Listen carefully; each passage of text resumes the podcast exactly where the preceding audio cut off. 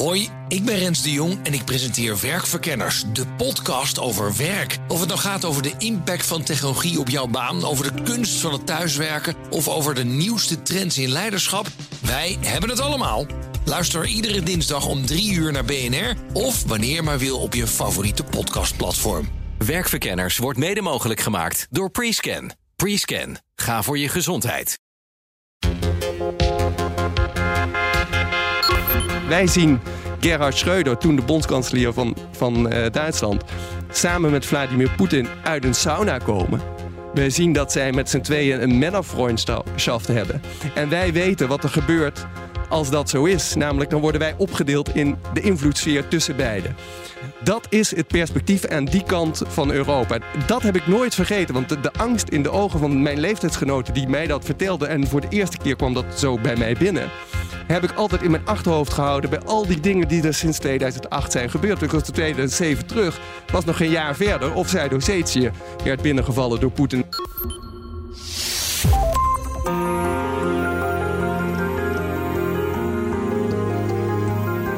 Je luistert naar De Stratege, een podcast van BNR in samenwerking met het Den Haag Centrum voor Strategische Studies. Mijn naam is Paul van Liemt. We will resolutely defend our national interests and ensure the security of our people with our glorious Russian army. We, as the European Union, we know exactly on what side of the table we're sitting. We're sitting on the side of the democracies next to our American friends. Sadly, some people are trying to revive Nazi ideology. We are witnessing how death squads are trying to rewrite history. They justify the actions of criminals who have the blood of hundreds of thousands of civilians on their hands.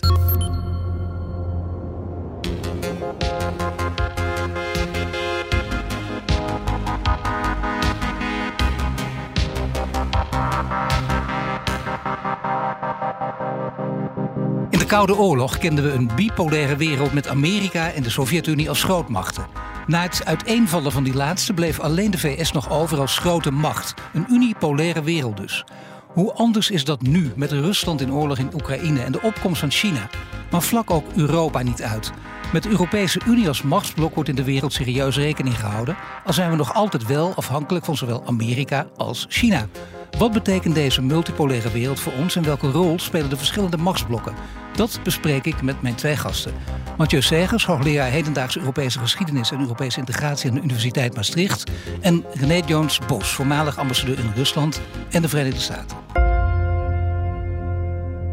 We, as the European Union, we know exactly on what side of the table we're sitting. We're sitting on the side of the democracies next to our American friends.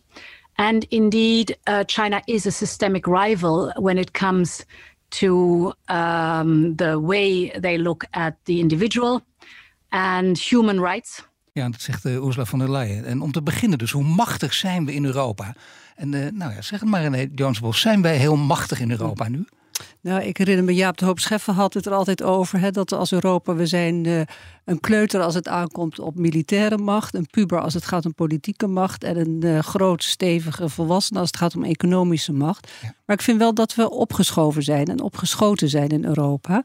Ik denk dat Rusland niet had gerekend op de stevige reactie, uh, de sanctiepakketten, verhoging van defensiebudgetten, samenwerking binnen Europa op buitenlands en veiligheidsgebied. Dus stap voor stap vind ik dat we wat opgeschoven zijn. Ja, je merkt dat, dat dit een beetje de analyse wordt. Het daarmee eens, Mathieu Segers? Europa echt sterker, machtiger met name? Ja, het staat natuurlijk te bezien in hoeverre dat gaat bestendigen. Maar eh, op dit moment is het inderdaad zo dat eh, het boven verwachting is wat Europa eh, aan reactie voor elkaar heeft gekregen op die aanvalsoorlog van Rusland in Oekraïne.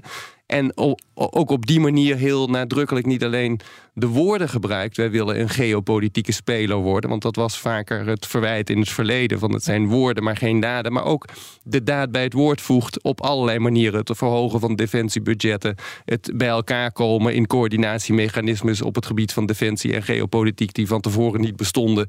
Uh, het steunen van uh, de Amerikaanse lijn enzovoort.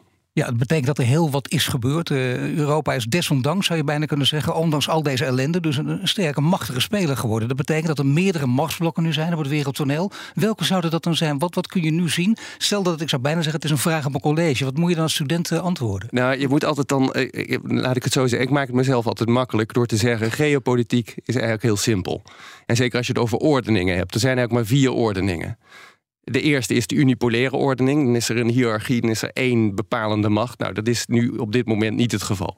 Dan heb je een bipolaire ordening. Dan zijn er twee rivalen die eigenlijk de, de wereld uh, ordenen. Dat zou kunnen zijn dat we daar naartoe aan het bewegen zijn. Hè. volgens diverse Amerikaanse analisten is het zo dat we naar een nieuwe bipolaire wereld toe gaan met China en de VS. We zullen, we zullen zien. Dan heb je de derde optie, dat is multipolariteit. Een soort van meerdere polen, maar wel in een soort van ordening. En de laatste optie is wanorde, een soort anarchie. Uh, en ik denk dat je altijd tussen die ordens in aan het bewegen bent. Je bent nooit 100% uh, één van deze vier opties. Op dit moment zou je wel kunnen zeggen dat de werkelijkheid het meest weg heeft van een multipolaire orde. Die wellicht beweegt naar een bipolaire orde, maar dat weten we niet zeker. En als we dat nou even aannemen, er is een multipolaire orde. Ja, ja dan is er ook een positie voor Europa te claimen. Ja, en dan kun je dus ook zo letterlijk zeggen: Europa is één van de machtsblokken. Ja, zeker. In, in potentie zeker. Hè. Dus ik, ik, ik vind wel dat we een voorbehoud moeten maken in de zin van hoe gaat dat er op de langere termijn uitzien? Als je nu naar het moment op op dit moment kijkt en je, je neemt even de pijlstok nu, dan zou je kunnen zeggen: ja, Europa heeft in ieder geval de ambitie en ook de daden om een positie in te nemen in die multipolaire orde die aan het ontstaan is. Early this morning, Russian troops invaded Ukraine, a free and sovereign country. And once again, in the center of Europe, innocent women, men, and children are dying of fear for their lives. We condemn this barbaric attack and the cynical arguments to justify it. Ja, dat is eigenlijk het vervolg van ons gesprek. Weer uh, Ursula von der Leyen. En dan gaat het ook over de reactie van Europa op die oorlog. René Jonsbos, ja. wat vind je van die reactie? Ik ben het eens met wat, wat Mathieu net zei. Behalve dat als je kijkt naar militair, hè, is het de vraag of wij als Europa, als Amerika er niet was geweest, ons zo te weer hadden kunnen stellen en zo Oekraïne hadden kunnen steunen als we hebben gedaan. Want inderdaad, we hebben goed gereageerd als Europa, denk ik.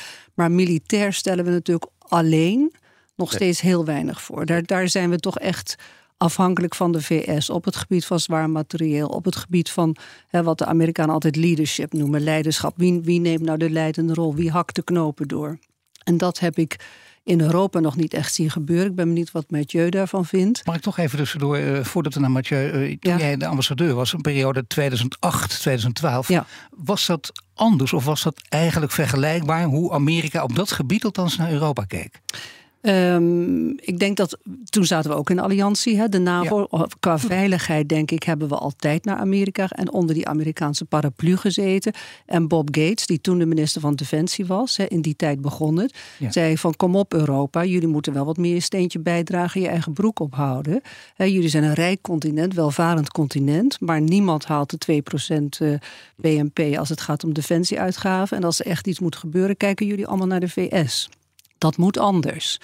dus, uh, dat gebeurde toen al. Dat, was toen al het geval en, en Obama-administratie drong daar ook op aan. Het was natuurlijk pas Trump die dat keihard neer heeft mhm. gezet. op een hele, uh, voor ons onprettige, maar wel heel duidelijke manier.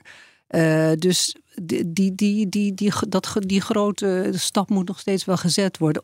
Onafhankelijk alleen als Europa kunnen we denk ik nog niet echt een militaire geopolitieke speler zijn. Nee, dat is toch wel opvallend, uh, Mathieu. Omdat het, het, speelt al een hele tijd. Inderdaad, uh, toen, ik denk voor die periode was het ook al zo. Trump die dat op zijn eigen manier, uh, laten we zeggen, gewoon heel lomp heeft neergezet toen. Maar mensen zeiden, maar hij was de eerste, maar bepaald niet. Hij ging eigenlijk voort in een, in een Amerikaanse lijn.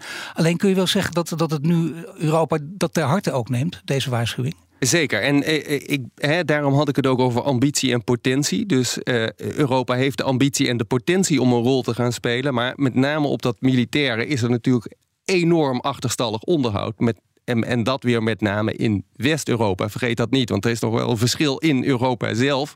De Polen die zeggen deze dagen heel terecht en heel hard.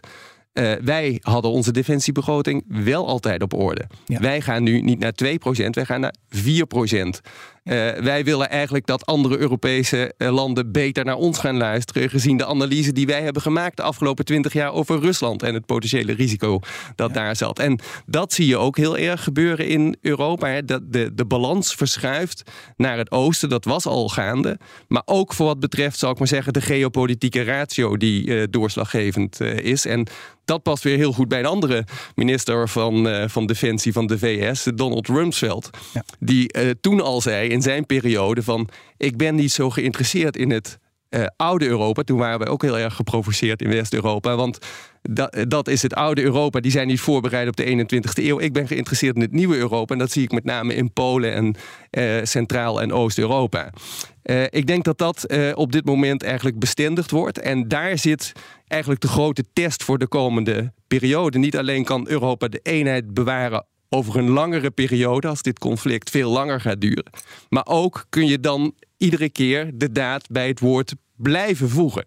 dat staat natuurlijk echt nog te bezien. En René heeft terecht gezegd: tot nu toe zijn we natuurlijk toch gewoon afhankelijk van de Amerikaanse lijn om die Europese lijn vorm te kunnen geven, als het ware in de slipstream. Kan het ooit zo zijn dat daar een arbeidsdeling komt die meer gelijk is? Ja, dat, dat is een vraag voor de toekomst. Nou ja, een vraag voor de toekomst. Maar dan denk je, is dat, hebben we het over nabije toekomst? Juist omdat dit, natuurlijk spelen dit soort processen altijd heel lang. En het is heel makkelijk om dat voor zo'n microfoon te roepen. Dat moet meteen, dat kan natuurlijk niet. Nee. Dat begrijpen we allemaal, zo zit de wereld niet in elkaar. Maar toch, eh, je zou zeggen, is nu toch, door alles wat er gebeurt, is een enorme versnelling opgetreden. Dus je ziet ook verschuivingen waardoor dit heel snel, dit idee ook gestalte gaat krijgen, of niet? Maar wie neemt de leiding? Hè? Dat is altijd het interessante in Europa. En daar zie je, uh, wat ik heel interessant vind om te observeren, is Frankrijk van oudsher hè, heeft de ideeën en de visies en de lange termijn strategieën en dit, autonomie en defensie, autonomie, et cetera.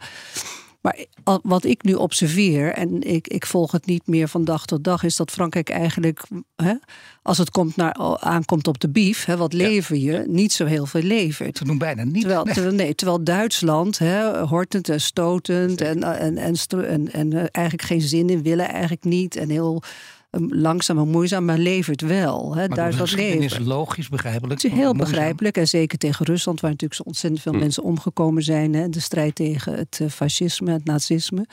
Maar het is wel Scholz die naar Biden gaat en die toch spreken over de toekomst in Oekraïne. Dus hoe gaat dat Europese leiderschap eruit zien? De Britten die uit de EU zijn gestapt, maar niet uit de NAVO natuurlijk. En wel ook een hele actieve uh, strategische militaire rol spelen. Dus dat, dat moet zich allemaal nog zetten, heb ik het idee.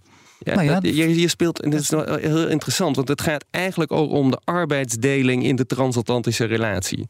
Ja. wij, wij, zijn natuurlijk gewend in Europa om eigenlijk achter de VS aan te, te lopen. Op dit moment, even interessant om op te merken, vinden de VS dat helemaal niet zo erg, want die lopen met, met graagte voorop. Hè. Er is een bipartisan meerderheid in de Verenigde Staten voor volledige steun aan de Oekraïnse zaak. En dat verenigt als het ware ook de Amerikaanse politiek. Ja, die dus meerderheid is er. Dat is inderdaad heel interessant. Dat is interessant. Ze zijn dat overal over de macht heeft dan nog. Ze zijn het overal over oneens, bij wijze van spreken, de Democraten. Dus- maar hierover niet. Hier, hierover is een hele brede basis uh, consensus. En ze lopen dus graag voorop nu in dat, in dat militaire uh, verhaal. Uh, dus dat maakt het voor dat Europa nog wat tijd heeft. Ik, ik, ben het, ik onderstreep wat, wat René heeft gezegd. De Duitsers doen traag uh, volgens sommigen, maar toch hele erge grote stappen. 100 miljard defensiebegroting, uh, Leopard tanks uh, zijn geleverd. Dat, dat zijn historische omwentelingen in het naoorlogse Duitsland. Dat is, ja. dat is niet zomaar iets. Um, zij vullen ook een rol, uh, potentieel, uh, samen met de Europese Commissie. En daar is Frankrijk zoekende. En dat is iets wat Amerika, bij wijze van spreken, met meer urgentie vraagt van Europa op dit moment. Bij wijze van spreken nog dan militairen uh, het been bijtrekken. Zij vullen ook een rol in de, in de, in de, in de moreel-ethische dimensie. Want vergeet niet, dit is een strijd van het Westen nu tegen Rusland. Als je kijkt naar hoe uh, de transatlantische relatie daarin zit. Maar het draagvlak voor het Westen, vergeleken met een aantal jaren geleden. en zeker met een aantal decennia uh, geleden. in de wereld, is wel ernstig afgenomen. En de Amerikanen hebben eigenlijk niet meer de leverage in de rest van de wereld om genoeg geloofwaardigheid op de been te brengen op eigen kracht. Dus zij kijken ook heel erg naar Europa van behalve die defensieverantwoordelijkheid in te vullen, 2% enzovoorts als NAVO-partners, ook die moreel-ethische dat stokje als het ware ook mede over te nemen van uh, de VS. Om dat samen te gaan doen. Omdat de VS daar voelt dat er een wankele basis is. Zeker deze regering uh, van Democraten is eigenlijk best wel expliciet in die vraag. En daar ligt voor ja. Europa een hele belangrijke eigenlijk kans. Uh, om, in, om daar invulling aan te gaan geven. En je ziet dat er krachten zijn die dat heel graag willen. En je ziet ook uh, uh, wijfelende kracht. Dus Frankrijk bijvoorbeeld ja. wil ook eigenlijk altijd een eigen koers hebben ten opzichte van de VS. Dus die willen niet helemaal mee in het transatlantische verhaal. Ja, nee, Jones niet voor niets ook. Het gaat er wel om wie neemt hier de leiding. Is het ja. toch Frankrijk? Het lijkt nu meer op Duitsland, want je ja. hebt het over historische omwenteling. Ik denk dat dat zijn precies de juiste woorden. Ook vaak vergeten. Het is nogal wat. Het is gigantisch. Het is gigantisch. Het is wat er in Duitsland gebeurt. Dus toen, toen Scholz een paar weken geleden werd aangesproken in de Bondsdag op uh, u verkwanselt uh, de desiderata van Willy Brandt en Helmut Schmid, uw voorgangers van de SPD, die nooit zoiets gedaan zouden hebben als dit. Toen heeft hij heel krachtig geantwoord. Het is een fragment dat waard is om terug te kijken. Samenvattend, dit is ook een totaal andere situatie. En daarom is deze historische Zeitenwende ook in het beleid nodig. Uh, en daar heeft hij uh, daad bij het woord gevoegd. En daar, daarmee schrijft hij dus naar die Pools-Midden-Europese lijn. Uh, die heel goed past bij de transatlantische relatie. Maar veel minder goed past bij wat Frankrijk eigenlijk voor ogen heeft. Maar dat is het begin van het leiderschap van Duitsland. Ja, dat is tegen heug en meug. En uh, hoewel ze daar zelf altijd heel bescheiden over willen doen... en het liever niet uh, op, op, op, op zich willen laten... is dat wel het begin van een Duitser Europa. En dan Groot-Brittannië, want het is interessant dat, dat, dat uh, René Jones er ook over begon natuurlijk, Groot-Brittannië. Want wat is die rol? Inderdaad, uh, niet meer bij de EU, maar natuurlijk wel in de NAVO natuurlijk een hele grote rol spelen. Wat, wat voor rol speelt Groot-Brittannië? Nou, die lopen voorop in, in het militaire. Als je naar de Europese spelers kijkt, dan doen ja. zij heel veel. Uh, en uh, zijn ook iedere keer uh, de eerste die de volgende stap zet. Dus nu gaat het om middellange afstandsraketten bijvoorbeeld sinds een paar weken. Ja, dan is de vliegtuigen. vliegtuigen. Dan is het Verenigd Koninkrijk meteen aan de lat uh, op eigen initiatief om te zeggen dat gaan wij doen. En daarmee zetten ze een soort nieuwe piketpaal voor de rest van Europa. Dus ze spelen in dat verhaal nu eigenlijk best wel een, een goede, uh, uh, constructieve, bevorderende rol, zou je kunnen zeggen. Ja, dat betekent dus wel dat je niet meer kunt zeggen dat, dat Europa, zoals het altijd was, economische reus, geopolitieke dwerg, dat zijn een beetje de framingen, de clichés die erop werden gelegd, maar dat is voorbij. Althans, zoals Mathieu zei, het proces is in gang gezet, maar we zullen ja. het uiteindelijk waar moeten maken. En kunnen we het alleen of zullen we het altijd doen in de slipstream samen met de VS? Dat vind ik nog wel een vraag die, uh, die, die voor mij nog niet beantwoord nee, precies. is. Ja, kun je de, bij een andere president in de Verenigde Staten, kun je dan overnemen? Nou, op dit moment niet. Nog qua besluitvorming volgens mij, nog qua oh. equipment, qua materieel. Qua, hè, voorbeeld evacuatie uit Kabul had Europa niet kunnen doen zonder de VS, omdat wij gewoon het materieel en de manschappen niet ja. hebben. He, dus wat voor situatie je ook in terechtkomt, we zijn heel lang afhankelijk geweest van de Amerikaanse ondersteuning op allerlei terreinen. Dus de vraag is: kunnen we het zelf als het zou moeten? Mm -hmm. Uh, zowel politiek als, uh, als, als materieel, qua, qua defensiematerieel. Is dan, is dan het antwoord op de vraag in ieder geval niet binnen een paar jaar? Dus laten we zeggen, als er een andere president komt in Amerika, dan zijn we daar nog niet aan toe. Dan zijn we nog niet geëquipeerd om dat zelf te kunnen doen. Stel dat het zou moeten. Ik, ik zie het nu nog niet, maar Europa komt schoksgewijs tot stand. Maar goed, dat weet Mathieu ja. beter. Dat is uh, zijn expertisegebied als het moet, zie je dat Europa sprongetjes maakt. Ja. Hè? Zolang het niet hoeft, zijn we aan het ummen en aan, overleggen. En dat kan niet, want regel dit en afspraak dat en procedure zo. Dus Europa, denk ik, is wel in staat om schoksgewijs te groeien, te veranderen, stappen vooruit te zetten. Ik denk dat Ursula von der Leyen ook daar een hele uh, actieve en zichtbare rol in heeft gespeeld. Hè. Dit is echt een ander soort commissie, denk ik, dan de commissies die we daarvoor hebben gehad. Qua rol die ze ook voor zichzelf zien en qua expressie van die rol. Um, maar als het vandaag zou gebeuren, hm, weet ik niet of we, er, of we er klaar voor zijn. En dan onder een andere president. Want uh, Mathieu, dat is ook interessant dat hij dat zegt. Dat wordt ook bijna vaak veronachtzaamd. Maar inderdaad, op dit gebied zijn de Democraten en Republikeinen het eens. Dus zo gek veel gaat er misschien niet veranderen, of toch wel? Nou, er zijn, er zijn eigenlijk twee uh, indicatoren hier. Dus één heb je dus die grote consensus. Die, is, die kan voor Europa uh, die kun je interpreteren als geruststellend. Er is nog even tijd. De Amerikanen zullen voorlopig uh, die rol blijven invullen zoals ze hem invullen. Aan de andere kant heb je de vorige president. En uh, ook zijn laatste toespraken weer.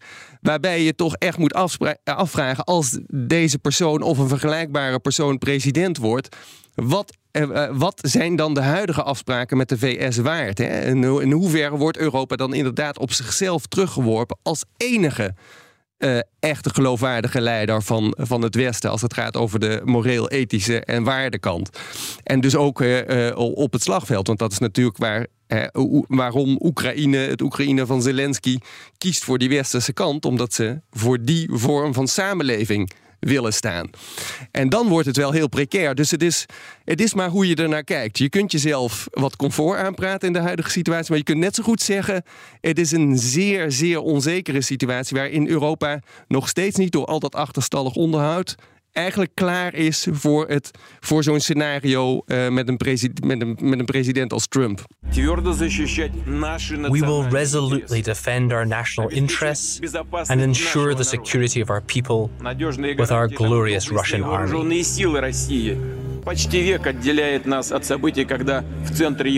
Almost a century ago, the vile Nazi beast began spreading its predatory violence across Central Europe. Sadly, some people are trying to revive Nazi ideology. We are witnessing how death squads are trying to rewrite history. They justify the actions of criminals who have the blood of hundreds of thousands of civilians on their hands. Ja, die Poetin-speech over Oekraïne. Rusland ziet zichzelf nog als een belangrijke speler in de wereld. Die bedreigd wordt door het Westen. Uh, René, wat zag je daarvan terug tijdens je periode als ambassadeur? Dat was de periode 2016, 2019. Ja, de retoriek was er tot op zekere hoogte. Hè? Altijd als je naar het ministerie van Buitenlandse Zaken ging, of als er speeches waren van de president, of je had bijeenkomsten met de Duma of wat dan ook. Het ging altijd over de unipolaire wereld, hè, waar we het net over hadden. Ja. Uh, dat willen de Russen gewoon niet. Ze willen een multipolaire wereld. Ze voelen zich zeer uh, op achterstand gezet, natuurlijk na het uiteenvallen van de Sovjet-Unie. Zij waren een van de twee. En nu voelen ze eigenlijk, hè, ze voelden dat ze niks meer waren. Dus die unipolaire wereld daartegen, tegen de VS. Dédain voor Europa. Hè, Europa als, uh, als, als uh, loopjongen voor de. Ja, decadent, maar ook loopjongen voor de VS. Geen eigen macht, geen eigen positie. Uh, gewoon, jullie doen wat. Uh, dat zei dus ook letterlijk. Hè? Oh, heb je al instructies van Washington gekregen? Als je bijvoorbeeld zo'n EU-lunch had met Lavrov en ook heel cynisch over Europa. Oh, dat ging ook zo direct? Oh, heel deze, direct. Oh, heel dat direct. is inderdaad behoorlijk intimiderend eigenlijk. Ja, ach. Nee, want wij zetten onze eigen werkelijkheid daar tegenover. Je moet je nooit door Rus laten intimideren. Nee, zeker, zeker. Maar uh, dus tegen de unipolaire weer voor een multipolaire orde. Uh, al die, al die, uh, die, dat werd dat, dat, uh, dat ressentiment, boosheid, het gevoel dat er niet naar hen geluisterd was, boosheid over NAVO-uitbreiding, EU-uitbreiding iets minder, maar goed, mm. dat zit in hetzelfde vaarwater. Dus de signalen, de tekenen waren er. maar konden we toen al bedenken dat Poetin echt daadwerkelijk het idee zou hebben om heel Oekraïne gewapende hand over te nemen? Nee, dat was nog niet. Nee, totaal niet zelfs. Dat kon niet, totaal niet. Totaal niet, nee, want ze zaten al in de Donbass, ze hadden de Krim ingenomen. Hè, dus het was niet dat, dat, dat we naïef waren, dat denk ik niet. Maar dacht jij wel, net als bijna alle experts en analisten, uh, vlak voor 24 februari ook nog steeds: dit gaat niet gebeuren? Want er zijn te veel argumenten waarom je dit niet gaat nou ja, doen. Omdat wij rationeel denken, denk zo stom ja. zullen ze toch niet zijn. Want Oekraïne is best een groot land, 40 miljoen inwoners, een heel groot oppervlak, groter dan Frankrijk. Ja. Daar heb je nogal wat voor nodig. 150.000 man is veel aan de grens, maar niet genoeg om zo'n heel land te bezetten. En we hebben natuurlijk gezien dat de Russische inlichtingenpositie totaal niet deugde. Volstrekte onderschatting van Oekraïnse leiderschap, van de Oekraïnse defensie, van de Oekraïnse wil van het Oekraïnse volk om zich te verzetten tegen zo'n invasie. Dus het, het leek voor ons rationeel gezien het domste wat je zou kunnen doen, maar ze hebben het toch gedaan. En zo zie je maar dat logica niet altijd de belangrijkste rationale is in buitenlandse betrekking. Nee, en op een hele andere manier over rationaliteit tijd nadenken, wat de Russen natuurlijk anders uh, tegenaan kijken. En zeker Poetin. Maar bijvoorbeeld, uh, Rusland als wereldmacht, dat zijn de laatste stuiptrekkingen nu, zeggen ook veel experts. Maar is dat te makkelijk, te kort door de bocht, om het populair te zeggen? Ja, dat is te kort door de bocht. Want ik denk dat, kijk, de, de, de Russen zelf uh, zijn op hun manier ook realisten. En wat Poetin altijd gezegd heeft, is, en dat is hij onomwonden in geweest. Ook, ook al voordat hij Georgië eh, binnenviel in 2008. Ehm, is ik, ik ben een revisionist. Dat betekent, ik ben niet akkoord met de bestaande orde. Dus ik zal er alles aan doen om die bestaande orde te veranderen. En dat, dat is in lijn met wat René net zegt. Eh, eh, hij zei eigenlijk, die, die, die orde waarin iedereen zich richt en naar de ogen van het Westen kijkt om zijn gedrag te bepalen, daar ben ik niet mee akkoord. Ik sta voor iets anders.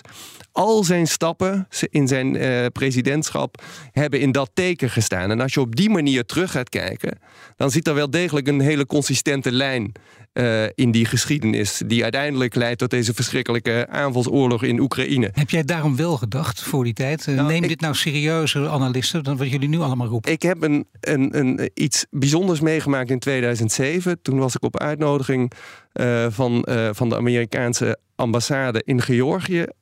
meerdere weken, bijna twee weken. En toen speelde het NAVO-lidmaatschap en de NAVO-lidmaatschap aanvraag van Oekraïne en Georgië 2007. En de Amerikanen wilden er eigenlijk veel aan doen om dat toch nog over de bühne te krijgen. Dus Europeanen werden uitgenodigd om bijgepraat te worden. Nou, een van de dingen die ik daar meemaakte was dat ik allerlei leeftijdsgenoten, ik was toen begin 30, op ministersposten trof. En die zeiden eigenlijk tegen mij allemaal hetzelfde. Namelijk, als dit nu misgaat, dan weten wij wat ons te wachten staat. wij zien Gerhard Schreuder, toen de bondskanselier van, van uh, Duitsland, samen met Vladimir Poetin uit een sauna komen. Wij zien dat zij met z'n tweeën een Männerfreundschaft hebben. En wij weten wat er gebeurt als dat zo is. Namelijk, dan worden wij opgedeeld in de invloedssfeer tussen beiden. Dat is het perspectief aan die kant van Europa. Dat is ook het perspectief van Poetin. Hij heeft lang gedacht dat dit gewoon een invloedssferen deal kon zijn, ouderwets. Waarbij hij zijn, zijn deel zou kunnen krijgen zonder al te veel bruut geweld. is gewoon zijn gang gaan. Ja, En, en, en dat heb ik nooit vergeten. Want de, de, angst in de ogen van mijn leeftijdsgenoten die mij dat vertelden... en voor de eerste keer kwam dat zo bij mij binnen... heb ik altijd in mijn achterhoofd gehouden... bij al die dingen die er sinds 2008 zijn gebeurd. Ik was in 2007 terug. Het was nog geen jaar verder. Of Zuid-Ossetië werd binnengevallen door Poetin. En toen dacht ik, nou, dit, dit, deze analyse moet ik vasthouden... want die hebben wij in het Westen niet scherp op de radar staan. Nee, dat is wel gebleken. Dat hebben wij niet gezien. We weten het inmiddels allemaal. De CIA zag het wel, om hele andere reden weer. Maar in ieder geval, dit heb jij dus wel gedacht. Ik weet niet, heb je dat al gezegd in die tijd? Ja, ik heb, dat, ik heb, er, ik, ik heb lang daarover geschreven in mijn columns, onder andere in het FD.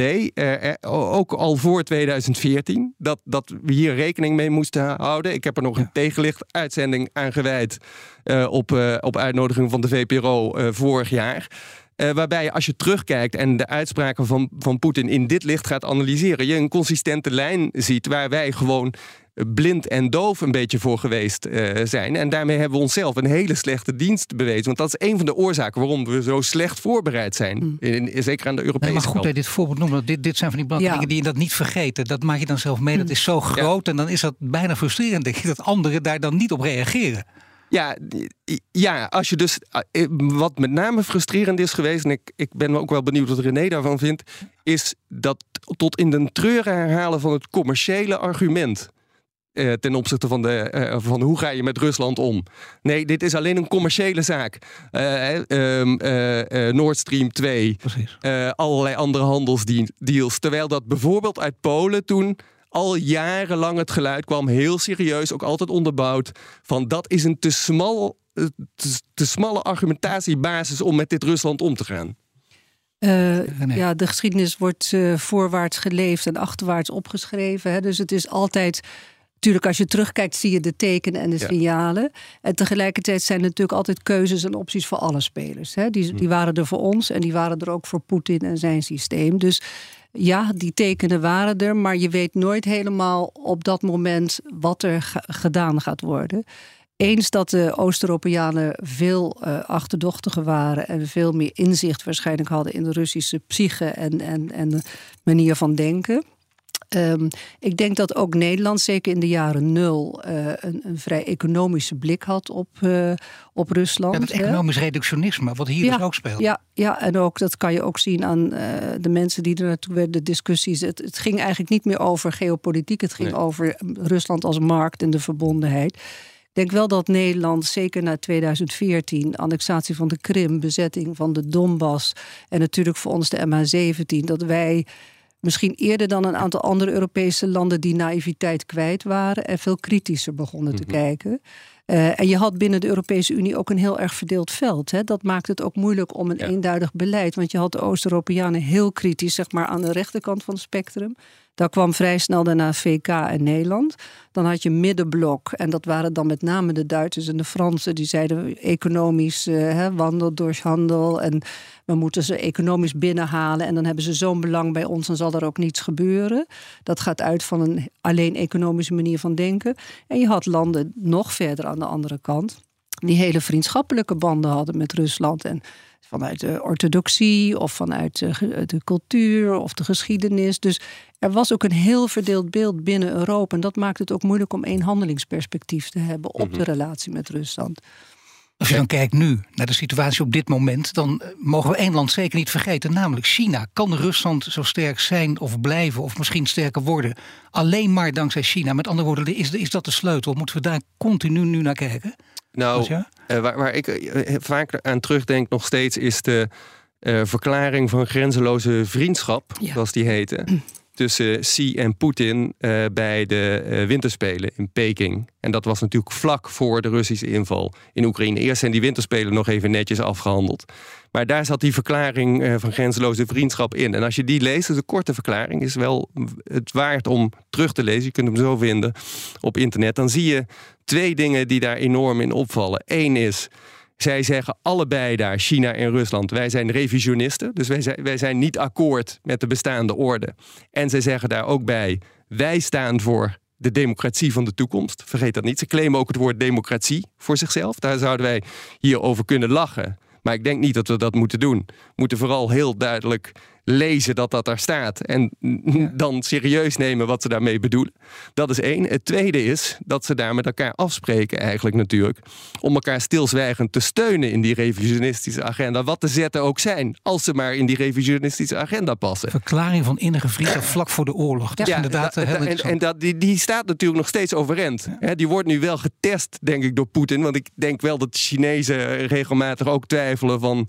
waar is hier ergens een, een, een, een eindpunt uh, uh, voor ons. Maar op dit moment houdt die verklaring nog steeds stand. En dat is natuurlijk een van de, je hebt helemaal gelijk uh, Paul, een van de redenen waarom Poetin ook nog door kan gaan. En die blijft stand houden, denk ik. Als ik kijk daar, naar mijn tijd daar, het was al een tijd aan de gang. De Chinese ambassadeur beklaagde zich altijd dat hij het zo druk had. Want er waren zoveel delegaties, zoveel presidentiële ontmoetingen, ministeriële ontmoetingen. Die, die relatie werd heel intensief opgebouwd, ook al in de jaren tien, hè, zeg maar. Uh, Um, nou, die, die, die, die, mooie verklaring waar Mathieu het net over had, inderdaad uh, geen grenzen. Maar ik denk dat China belang heeft bij die relatie met Rusland. Ze geloven allebei in een multipolaire wereld. China heeft een hele lange grens met Rusland. Dus ze hebben geen zin in gedoe aan die noordelijke grens. Ze hebben al genoeg in de, in de zee en uh, bij andere grenzen waar ze zich op willen focussen. Rusland neemt uh, systematisch dezelfde soort posities in in de Veiligheidsraad als China. Hè? Dus ze versterken elkaar ja. daar. Uh, dus China heeft er helemaal niet zoveel belang bij om Rusland te laten vallen. Uh, bovendien, ze krijgen nu goedkoop olie en gas omdat wij ervan afzien. Ja. En de sanctiepakketten hebben ingesteld. Gaat dat nu allemaal de andere kant op, voor zover mogelijk? Want je hebt natuurlijk niet 1, 2, 3 nieuwe pijpleidingen gelegd. Dus ook economisch heeft China daar baat bij. Er gaat heel veel Chinese export nu naar Rusland. Want alles wat wij niet meer exporteren ja. komt uit China of via omwegen, nog wel via andere landen. Dus ik denk dat er voor China, eh, ze, misschien hebben ze gedacht, eh, nou, Poetin had je dat nou op zo'n manier moeten doen, mm. ongetwijfeld. Eh, we zullen de notulen van het Chinese politbureau ooit misschien nog te lezen krijgen. Maar ik denk dat ze op dit, belang geen enkel, op dit moment geen enkel belang hebben bij het niet doorzetten van die relatie uh, met Rusland. En andersom geldt dat voor Rusland ook. Die heeft niet veel keuze op het ogenblik. Nee, maar alleen de praktische kwestie speelt natuurlijk wel van uh, wel of geen wapens leveren. En dan zegt Scholz ja. met name heel duidelijk: nee, dat gebeurt niet. Dat, Ja. dat, dat gebeurt hoe dan ook niet. Ja. Dat weten we natuurlijk nooit precies. Nee. Is, dat, is dat cruciaal of zijn er nog andere zaken Ja, net nou, zo er is belangrijk? natuurlijk een continuum in, de, in die grenzeloze vriendschap, zal ik maar zeggen. Op dit moment zijn de Chinezen nog relatief passief. Hè, een soort stilzwijgend gedoogsteun voor wat Poetin aan het doen is. Als je naar de eh, extremere kant eh, voor wat betreft escalatie gaat, ja, dan zouden ze wapens gaan leveren. En dan komt er natuurlijk toch een soort van conflict tussen, tussen NAVO-partners en China. Ja, maar is, is het dan officieel dus een wereldoorlog? Want dat, daar Ja. gaat het ook steeds over. Dat, ja, dat, dat, dat, hang- dat scenario hangt natuurlijk in de, in de toekomst wel als een optie boven de tafel. De andere kant is natuurlijk dat ook China de, de grote de-escalator kan zijn. Hè. Dus ze, ze hebben ook signalen afgegeven de laatste maanden nog, waarin ze af en toe hinten op een bemiddelingsrol. Dat ze eh, zeggen van nou voor de volgende fase hè, komen wij graag aan tafel als een partij die eh, kan, kan, misschien kan deescaleren. Ja, ergens daartussen zal de werkelijkheid eh, zich verder ontvouwen.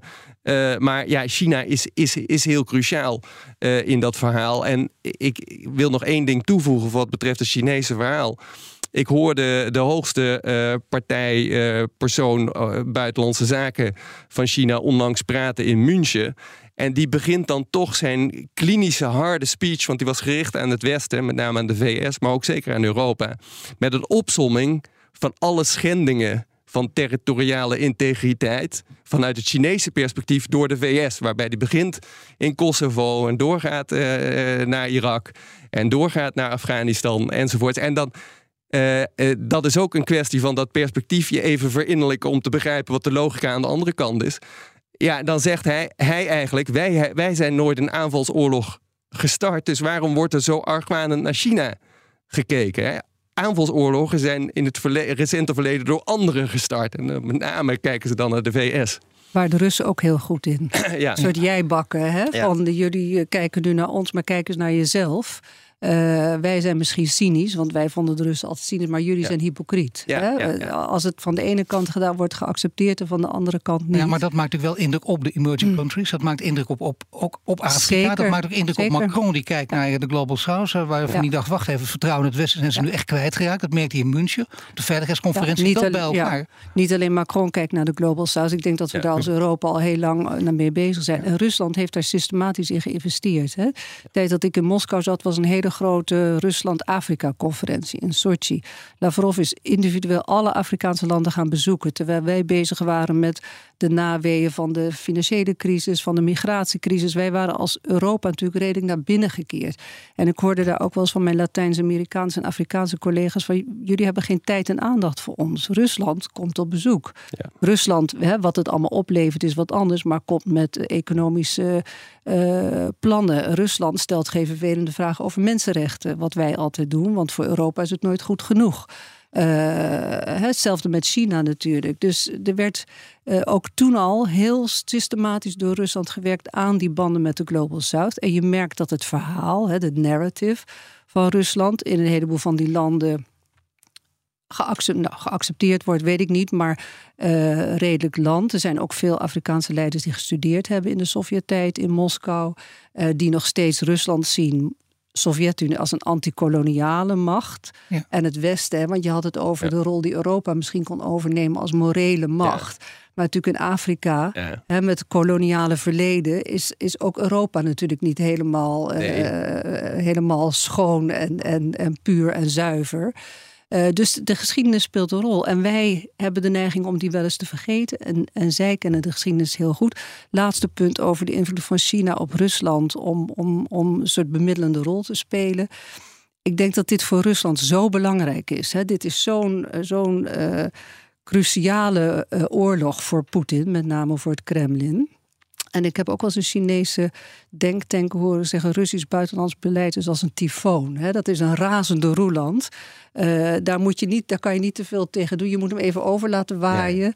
Eh, het plekje in de schaduw zoeken eh, of in, in de luwte. En dan kijken waar je er gebruik van kan maken. Ik denk niet dat Xi in de positie is om tegen Poetin te zeggen: je moet dit nu stoppen. Zo zijn de verhoudingen ook niet. Nee, maar we moeten dus wel ondertussen ook naar al die andere landen kijken. Want uh, ik bedoel met Macron, omdat hij het op die veiligheidsconferentie echt nog apart ook benadrukte. Alsof hij daarvan geschrokken was. Of, alsof hij het voor het eerst hoorde. Nou, de Global South vertrouwen ons niet meer. Maar goed, uh, Afrikanen ook. Je leest het ook overal natuurlijk. En ze krijgen beurzen wel van de Chinezen. Voor henzelf. En, en dat, is toch, dat, vinden ze positief. Daar kijken ze natuurlijk anders tegenaan. Spelen al die landen bij elkaar dan ook nog een hele grote rol? Of niet, uh, Mathieu? Ja, wat, je, wat natuurlijk een van de echt treffende uh, kenmerken is van, van, van uh, de geopolitieke verhoudingen die we zien uitkristalliseren sinds die aanvalsoorlog in Oekraïne, is dat je aan de ene kant zie je een verenigingsreactie in het Westen, inclusief NAVO, nieuwe NAVO-lidmaatschap, uh, nauwere samenwerking tussen de VS en Europa. Aan de andere kant, de grote niet-verenigende kracht, zou je kunnen zeggen, was de VN. De VN was totaal afwezig en is eigenlijk tot op heden afwezig. En dat komt omdat daar helemaal geen verenigingsreactie te zien is. In, integendeel. Dus ik noem even een paar landen: Brazilië, India, Indonesië, Senegal, Zuid-Afrika. Dat zijn geen kleine landen. Die hebben allemaal expliciet gezegd, inclusief ook nog de, de president van de World Health Organization. Waarom is dit ineens zo'n belangrijk conflict? Pardon? Waren er niet ook andere oorlogen? Is het niet in Jemen ook een oorlog? Moeten wij nu weer allemaal in de benen komen? Nou, het feit dat ze dat gezegd hebben en daar ook naar gehandeld hebben politiek, dus vaak een, een half neutrale positie in, of soms zelfs gezegd van wij zijn helemaal niet akkoord met wat het, uh, wat het Westen aan antwoord uh, wil formuleren, is het failliet potentieel van het UN-charter uit 1945. Daar is de naoorlogse westerse orde op gebouwd. En dat verplicht ons tot iets, want dat revisionisme waar de Chinezen en de Russen op hameren, dat kunnen wij eigenlijk, denk ik, op de middellange en lange termijn alleen counteren als we zelf ook in zekere zin revisionistisch worden. Dat wil zeggen, die oude orde opnieuw kunnen uitvinden in de nieuwe verhoudingen. En daar hoort er een plek te zijn voor anderen dan de VS en Europa in die nieuwe opdracht mm. van een vreedzamere en stabielere wereld uh, in de toekomst. En de vraag of, dat, of we dat van de grond kunnen trekken, dat is de vraag die Macron opwerpt. Maar hij heeft dat geclaimd op die Münchener Sicherheidsconferentie. Want de Duitsers hadden dat uitgebreid op de agenda gezet. Dus hij heeft in, het, in, de, in de trein erheen of zo. Die agenda is goed doorgelezen. Dat, dat, is, dat is een leuk PR-puntje voor mij om eens even te claimen. De Global South past, past, past ook goed bij Frankrijk. Hoewel ze het anders zullen uitspreken. Maar uh, dat is iets wat, wat heel nadrukkelijk op de agenda staat. Want op de middellange termijn draait het om de geloofwaardigheid uh, zal ik maar zeggen, van die hele VN-agenda. En als we die verliezen, dan verliezen we dus de naoorlogse wereld. En dan komen we in een totaal andere uh, realiteit terecht, ook in het Westen. En je ziet al wat nee. verbrokkeling, hè? want... Uh, kijk, degene die wel geopolitiek denkt is de VS natuurlijk. Hè? En, en je ziet dat de VS een soort scala aan allianties heeft opgebouwd. En NAVO is natuurlijk voor ons heel belangrijk, maar ze hebben ook de Quad met uh, Australië, India, Japan. Uh, ze hebben allerlei allianties in Zuid-Azië. Ze hebben met, eh, met Zuid-Korea. Ook natuurlijk naar aanleiding van het conflict Zuid-Korea-Noord-Korea. Uh, er is AUKUS hè, met uh, Australië en ja. de UK. Dus ja. ik denk dat de, v de, VS al een beetje aan denken zijn ja. van... als de VN nu niet meer werkt in ons belang... Hè, hoe je dat dan ook definieert... moeten wij strategisch partnerschappen opbouwen... en niet alleen met Europa, maar ook in de Global South. Ja. Uh, met bijvoorbeeld een heel groot strategisch belangrijk land als India, die ook een beetje op de wip zit als het gaat om Rusland Zeker. en zich uh, onthoudt van stemming en, en niet echt heel expliciet positie neemt, omdat ze heel veel wapens natuurlijk altijd. Als Amerika zo geopolitiek denkt, en dan zal Europa het ook moeten. En is ja. dan de enige mogelijke oplossing, misschien als conclusie ook van dit gesprek dat wij nu hebben. Zorg dat je een sterkere eenheid wordt. Of je dat nu strategisch autonoom of, of anders gaat noemen. Is dat echt de richting van denken nu of niet? Ja, maar ook verinnerlijk deze zaken waar wij het nu over hebben. Kijk, ja. wij hebben dat, daar is gewoon denkachterstand. Dus er is achterstallig onderhoud op alle materiële punten. Daar hebben we het over gehad. Er is achterstallig onderhoud politiek, omdat je op al die coördinatiemechanismen die nu, nu nodig zijn, moet je nu met stoom en kokend water uit de grond stampen. En hopelijk is dat houdbaar op de middellange termijn. Maar er is ook, en dat is heel fundamenteel, achterstallig onderhoud in het denken. Hm. we zijn hier qua denkkracht en vermogen dus om over deze toekomstscenario's strategisch na te denken, echt niet voorbereid. En dat moet in hoog tempo veranderen. Daar heeft Europa natuurlijk in principe de resources voor qua opleidingen en, en, en potentiële uh, uh, toeleveranciers van al deze kennis. Maar het is wel echt in de mottenballen En dat moet er met, in, hoog tempo uit. En, en daar moet in geïnvesteerd worden. En daar hoort de opdracht bij dat Europa ook over zichzelf, dus niet alleen in relatie tot uh, de VS, en dat ben ik in zekere zin altijd met Macron eens. je moet ook over zichzelf in deze uh, nieuwe wereld uh, nadenken. en ja, daar hoort dus ook een soort van idee bij wat wil Europa in deze wereld zijn? En een van de grote thema's die wij nooit zo behandeld hebben, maar die we nu echt zo moeten behandelen, en een paar doen dat al, zoals Ursula von der Leyen, is uitbreiding. Uitbreiding is potentieel een enorm geopolitiek instrument. Maar wij hebben het altijd alleen maar economisch uitgelegd. Uh, dat ben ik helemaal eens met Mathieu. Het ging over de interne markt. Het ging over allerlei uh, uitbreidingsmechanismen. En dan ging het over, kunnen we dat wel aan? Zijn ze arm of zijn ze rijk? En hoe ver loopt wat is hun BNP? Denken werd en, zelfs weggehoond als je erover begon. Ja, en het was altijd over ons eigen, dus binnen Europa... met die paar landen die er dan bij, wel al dan niet bij moesten of mochten komen. En dan heb je de rest van de wereld... waar we echt nog niet goed genoeg over nagedacht hebben... behalve mechanistisch in de zin van ontwikkelingssamenwerking. Ja, heel transactioneel. Transactioneel. dus voor wat hoort, wat, en dit, is, dit gaat om strategie. Dat is hm. echt iets anders. Nou, in ieder geval heel duidelijk. Uh, veel om over na te denken. En dat moeten we precies ook doen. Want dan gaat het erover. Meer denken, meer, denken, meer de denkkracht inzetten. Hartelijk dank René Jones-Bos, voormalig ambassadeur in Rusland en de Verenigde Staten. En Mathieu Segers, hoogleraar hedendaagse Europese geschiedenis en Europese integratie aan de Universiteit Maastricht. En wil je de strateeg vaker luisteren? Abonneer je meteen in je favoriete podcast-app. En tot de volgende keer.